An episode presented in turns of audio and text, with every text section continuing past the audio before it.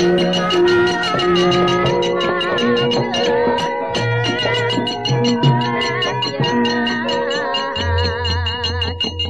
wong ngestina tudono Tirtanata sing endi Pak tak patenane.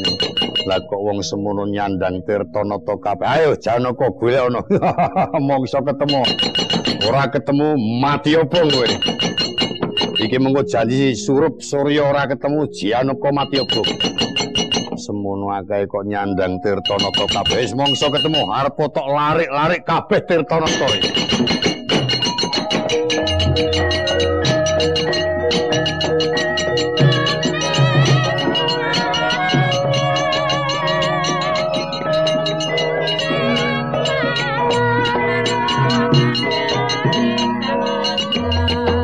Petro, nun akal-akalane wong Astina pancen ana-ana wae.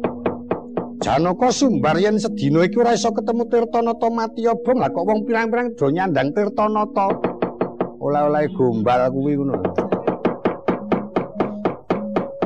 Lah ku gumun iki.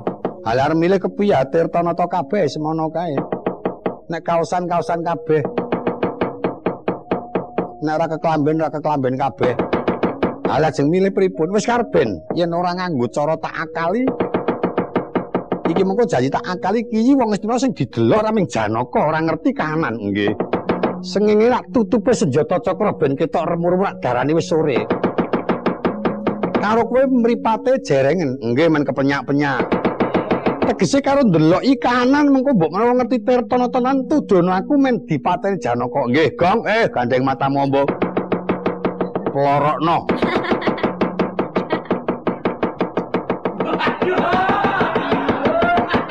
Nah ngono. Nek kurang ngombo nganggo ribenmu. Wong Cina doe semono. Men mencirit. Cinarita rika semono Surya tinutup senjata cakra kanan katon peteng dedet maliwara.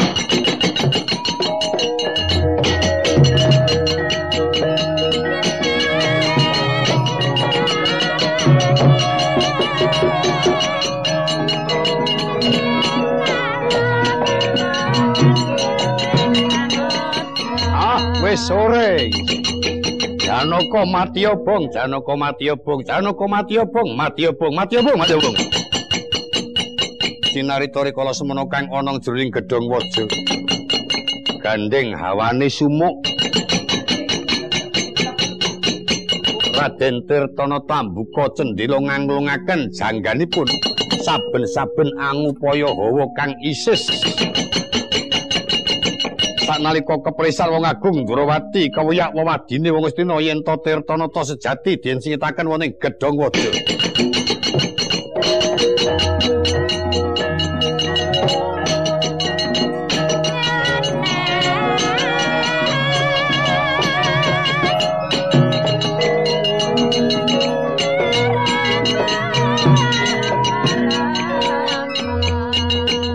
Prabu, apa yayi? Kula nyuwun pamit badhe nututi Abimanyu kanthi srana kula pejah obong. Aja. Aja ya, Di. Wis saiki wae mikirke bab Abimanyu. Iki mergane lek ketok sore jaran tak tutupi senjata cakra. Inggih. Ampun kuwaten tesih awan iki ya ditutup senjata cakra. Sing ora iso nyunar wayah rina. Sumurupa galukan ana cendhela kae. Inggih. Yen ora klaru kae mesti Tirtanata. Ha niki wong Astina pun do cucul kabeh. Awit pun mestake yen Ndara Janaka mati obong. Heeh iki do cucul salong adus salong ora. Sigra ngasta pusaka jemparing Kanjeng Kyai. Pasopati lepasing pusaka tumama janggane Tirtanata gembung pisah kalian sirah. Gembung gumlundung jroning gedhong waja sirah gumlundung tumibeng Pantala Tirtanata. Isih moyo temah jati jati teman moyo sirah glundung nganti tumeka ngersanipun ing Rama Mbana Keling.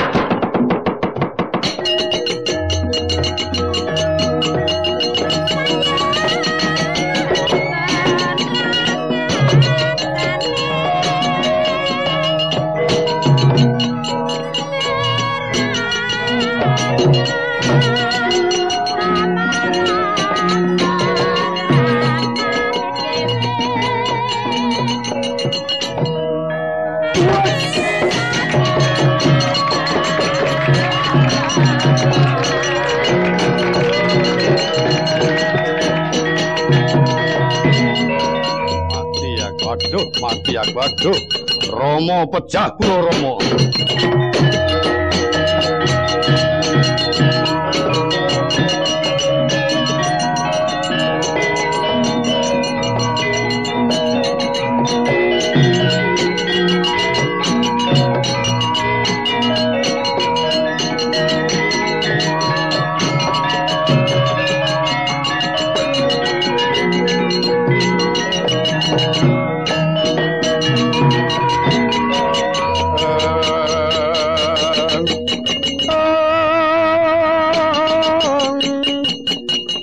Pandita kinarya wangsit pindha kumbang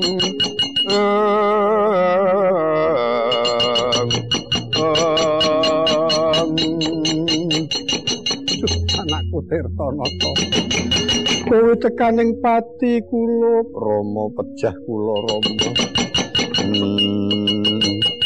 Hmm, eh ladalah ya ya ya ya. Waton aku durung nyiwara yen Tirtanata tekan titi mangsane kakukut janji aku sik tetep nyiwara urip Tirtanata ora bakal tekani pati. Iki pusaka Trisula muten ngamuh ana ing barisan Ngamarta.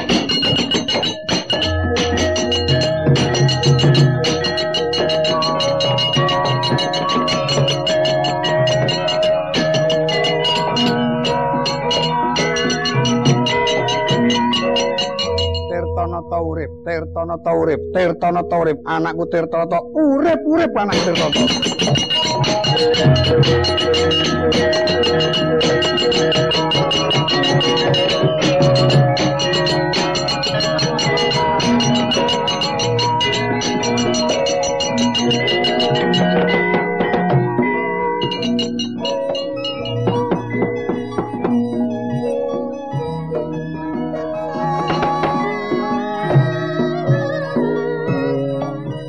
Panji teka mangkono pocapo kang kena sinabeting cinarita ingkang dumunung wonten ing taman.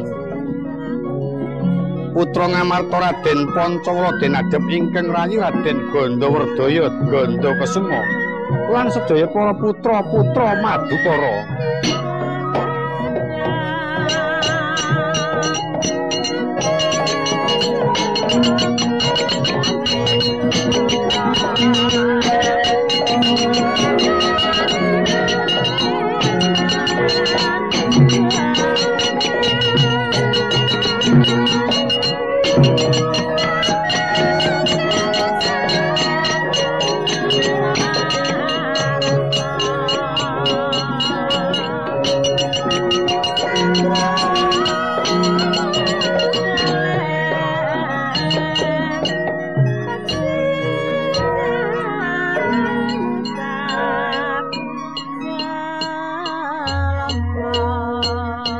Andralir sang puspitarum katiyuping samirana.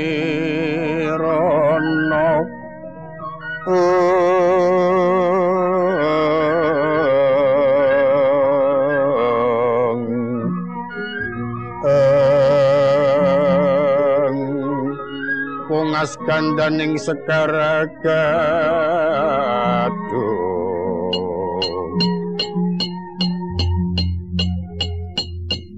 sekaragaduh Dimas Gandawardaya lan Ganda Kusuma kabeh para putra-putra Madukara. Kula Kang Mas Pancawala kula Kang Mas Pancawala. Rikala semana pun Kakang lan Dimas ora kepareng oncat sangka ing kasatriyan. Supaya banjur angestokake ngendikane para pinisepuh ingin bakal tumandang ngadepake marang Kurawa cukup para sesepuh ing Ngamarta. Kang Mas menawi stanipun kula kepingin sangat badhe manjing peperangan. Jalaran kula midhangetaken pawarta yen to Kang Mas Abimanyu saha Kang Mas Semitra Kang Mas Wilugangga sampun sirna margolayu. senajan to krungu kabar gandeng dimasak kadang ora keparang lunga-lunga estokno ngendikane para pinisepuh ing tak kuatrake nganti pun kakang lan si siadi mengko kaluputan.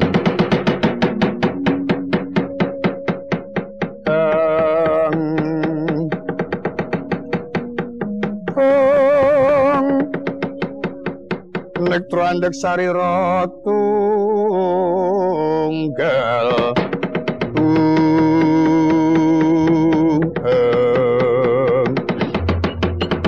Sinarita para putra-putra Madukara tuwin putra Ngamarta kang rikala sami pepanggihan wonten ing kasatriyan. Nuju lelangan wonten ing taman datan uninga gumlundunging sirah. Ing wis nyokot Trisura. Putra Madukara kang wilangane persasat tanpa wilangan.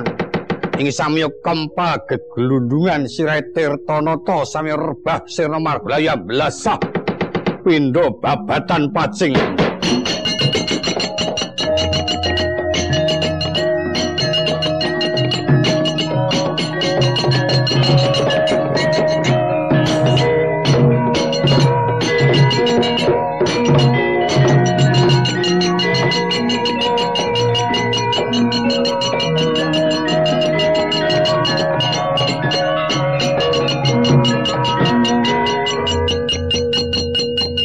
manoning taman. Putra-putra kang sami sira kocapa. Salah sawijining abdi kang sami uninga konjuk ing pabarisan.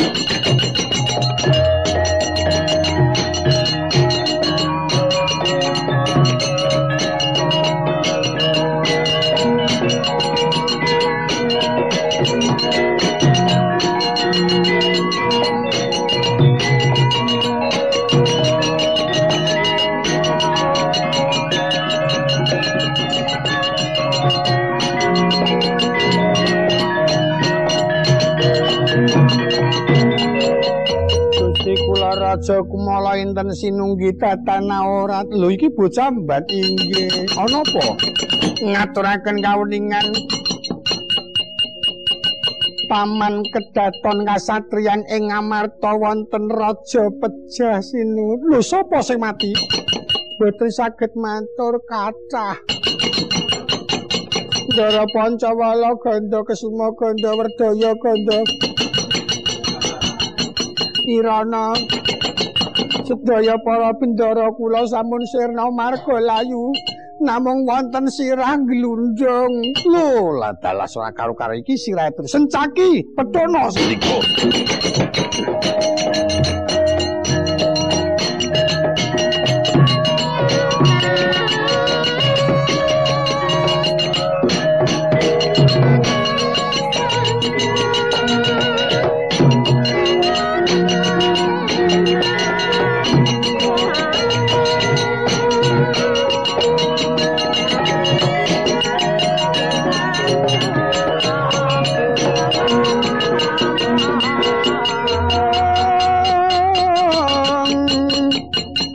yakiti nunung umbul gadanira gadanira perang kontet saliranira yen gacondo risang wirang tumandang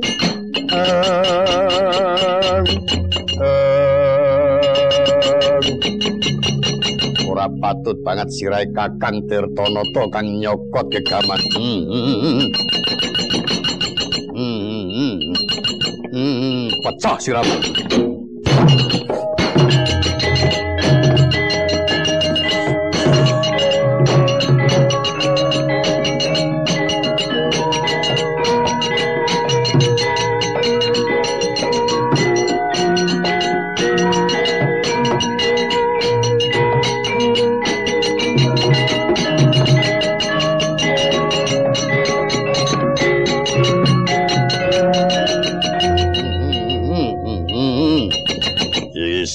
Tirtanata kakangku nyokot kegaman ngamu. Hmm,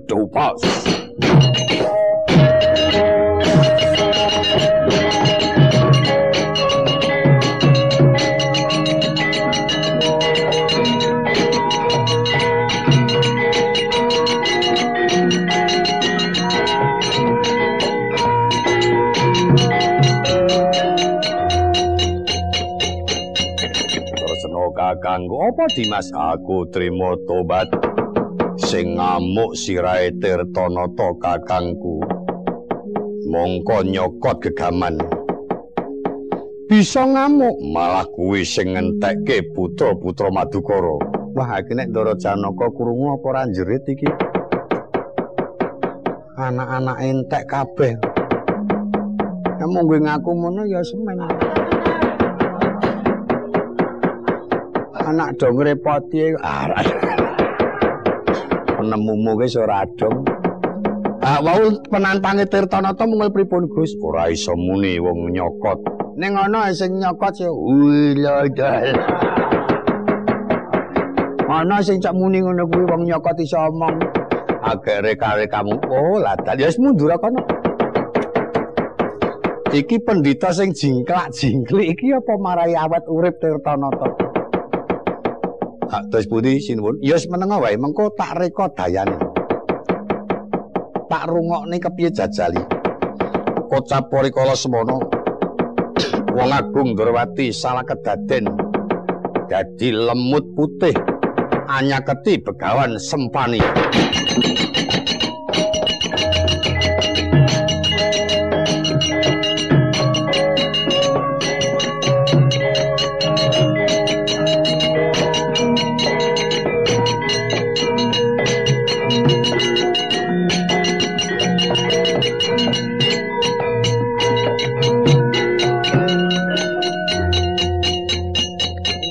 Ora kleru leku nyaka apa ngomongake tumraping Tirtanata nggone ngamuk nyaka Trisura. Tirtanata uripa, anakku urip, Tirtanata urip. Tirtanata urip. Hmm. Lemut kok pirang-pirang. Nyokoti Tirtanata urip. Eh. Ora genah. Hmm. Kinaritori kala semono kacokot. Dening lemut sangka nata ndrawati pangendikanipun sang topo kanthi nembungaken pejah jalaran. Ing kono ingkang dianggep pejah lemut ingkang nyakot marang sang topo kelentuning tembung kinarya jalaran seraning ingkang putra Raden Tirtanata. Tirtanata urip. Tirtanata urip. Eh, lemut kok bilang Tirtana mati kowe.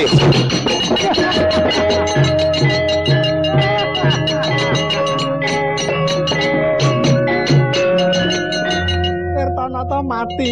Lho lho lho lho Sing dadi lemut iki mau Bathara Kresna iya. Tirtanata mati, urip mati, urip mati, urip mati, mati, mati. Wah, langsung apa kepandangan.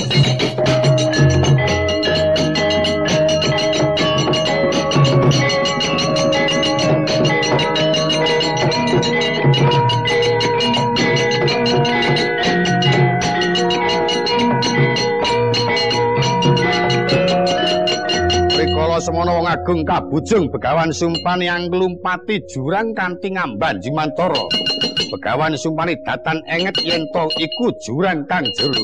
Ingin den wis padaken sinundrawati wusana glundung jurang sirna margayu wis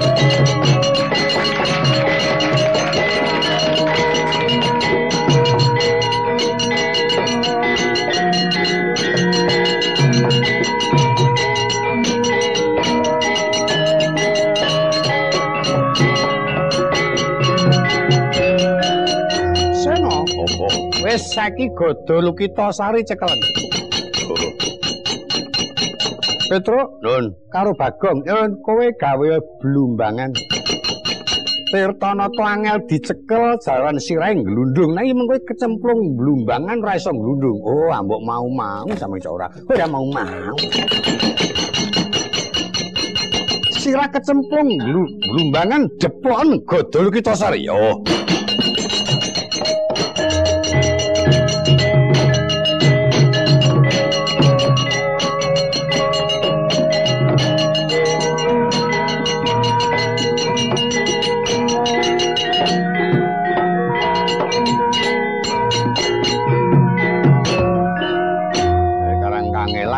Awake dhewe iki dadi kawula iki nek ora temandang ngene iki cok ora kadang iya. Sing pokoke rak biaya larang. Mulane kowe karo kudu sing ati-ati sing sregep karo nggo nyambut gawe iki ora kena digentek-gentekke. Apa karo sempal tangane ya semen. Nek jane ngono kaya wis wong tuwa iki ya wis dadi pok wis nggo mendem kowe dengkulmu amok.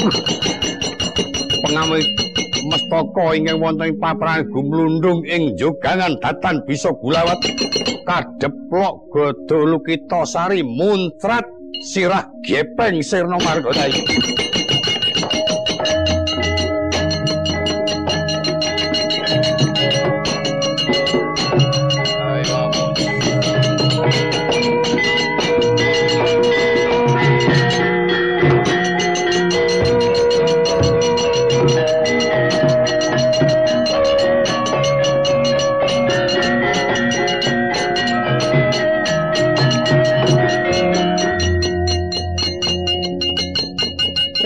Bagong tak trima ya kowe gawe jogangan kanggo gawe mateni Tirtanata. Lunga ya. Ya meng matur nuwun serana apa-apane.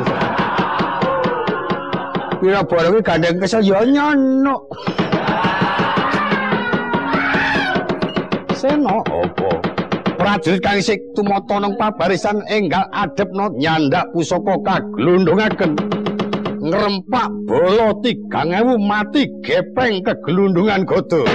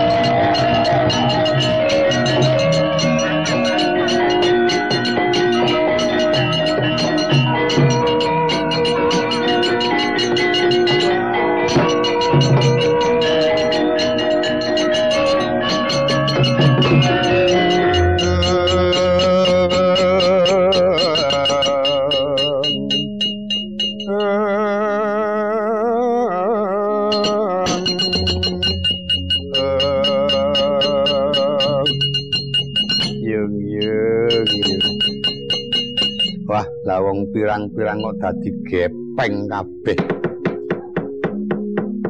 Gepeng, gepeng.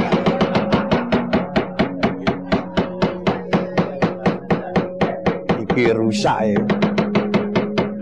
Kok dadi Kurawa kok ajur kabeh kegelundungan gepeng ing anu godo. Bocah ngetina sawentara pok undurana. Werkudara ngamuk tak matur marang rakamu sinuwun ing Ngastina. Iya iya.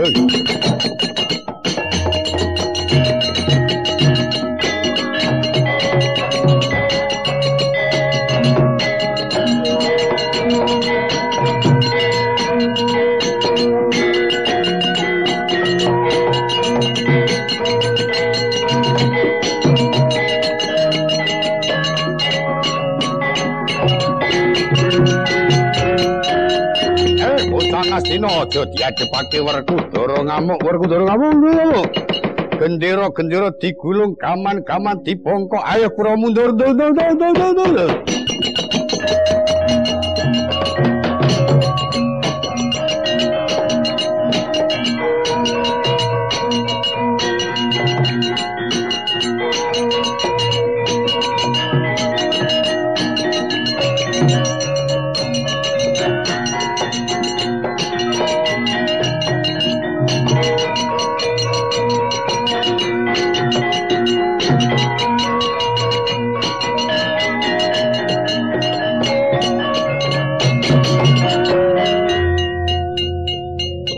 Arjuna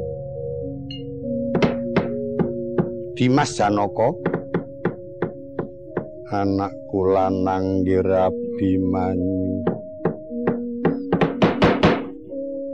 Ayo kundur Abimanyu aduh kedrawasan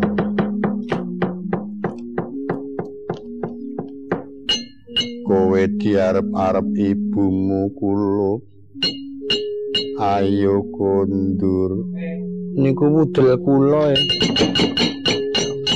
Gus anget nggih Gus. Ing putra pun boten wonten.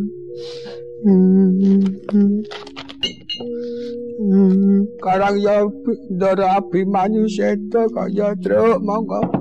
Jaman gugure. Ndara abimanyu ndara janaka ora iso mengunjungi dadi sapa wonge sing ora klara-lara truk cinarita rikala semana Raden Arjuna. Pangsa kengetan marang kang putra Raden Abimanyu wisana saengga lolos sangka ing pakon randuwatangan kedarang-darang kanthi trenyuh ing penggalih kesupen sare kesupen dar kayu watu den padak kaya dene gegambaran kang putra Raden Angka Wijaya. Saknalika Raden Janaka kagungan gerah ngengleng bablas tanpa tinuju ya saksana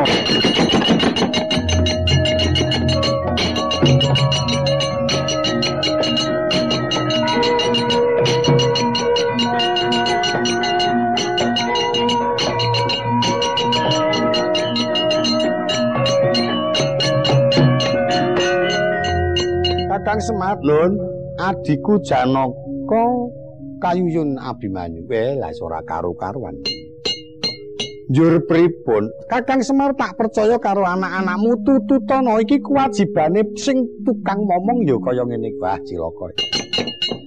Momong wong ora pati dong. Kudu mangkat. Ayo.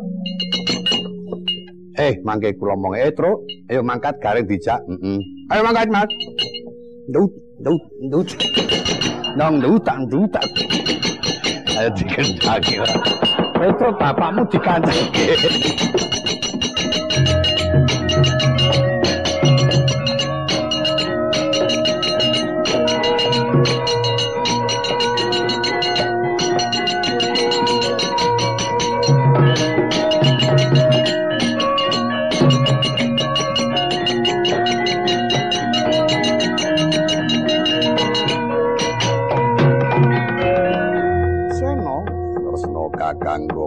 Kurawa wis padha mundur saka ing pabarisan. Nanging munduring Kurawa aja tok anggap yen to iki bakal kalindih lan bakal rumangsa kalah. Bisa kelakon wake angkara murka kaya dene lelakon-lelakon ingkang wis kapungkur. Iya. Ora ana alane jeri kala semana. Kundure Dimas Werkudara durung keprisan Yayi Samyaji lan Eyang Mas Wopati. Ayo tak suwanake. Kaya ngapa bungae Yai Samyajilan kaya ngapa karnaning penggalih Eyang Mas Wopati Dimas Perkudara bisa bali. Jelamprong Dimas Janaka diderekke perpat Punakawan mestine kanane Dimas Janaka bakal tak aturake ngersane Eyang Prabu. Wis prayoga. Lan banjur dilerem penggalih Mas Wopati kakekku. Mengkono Yai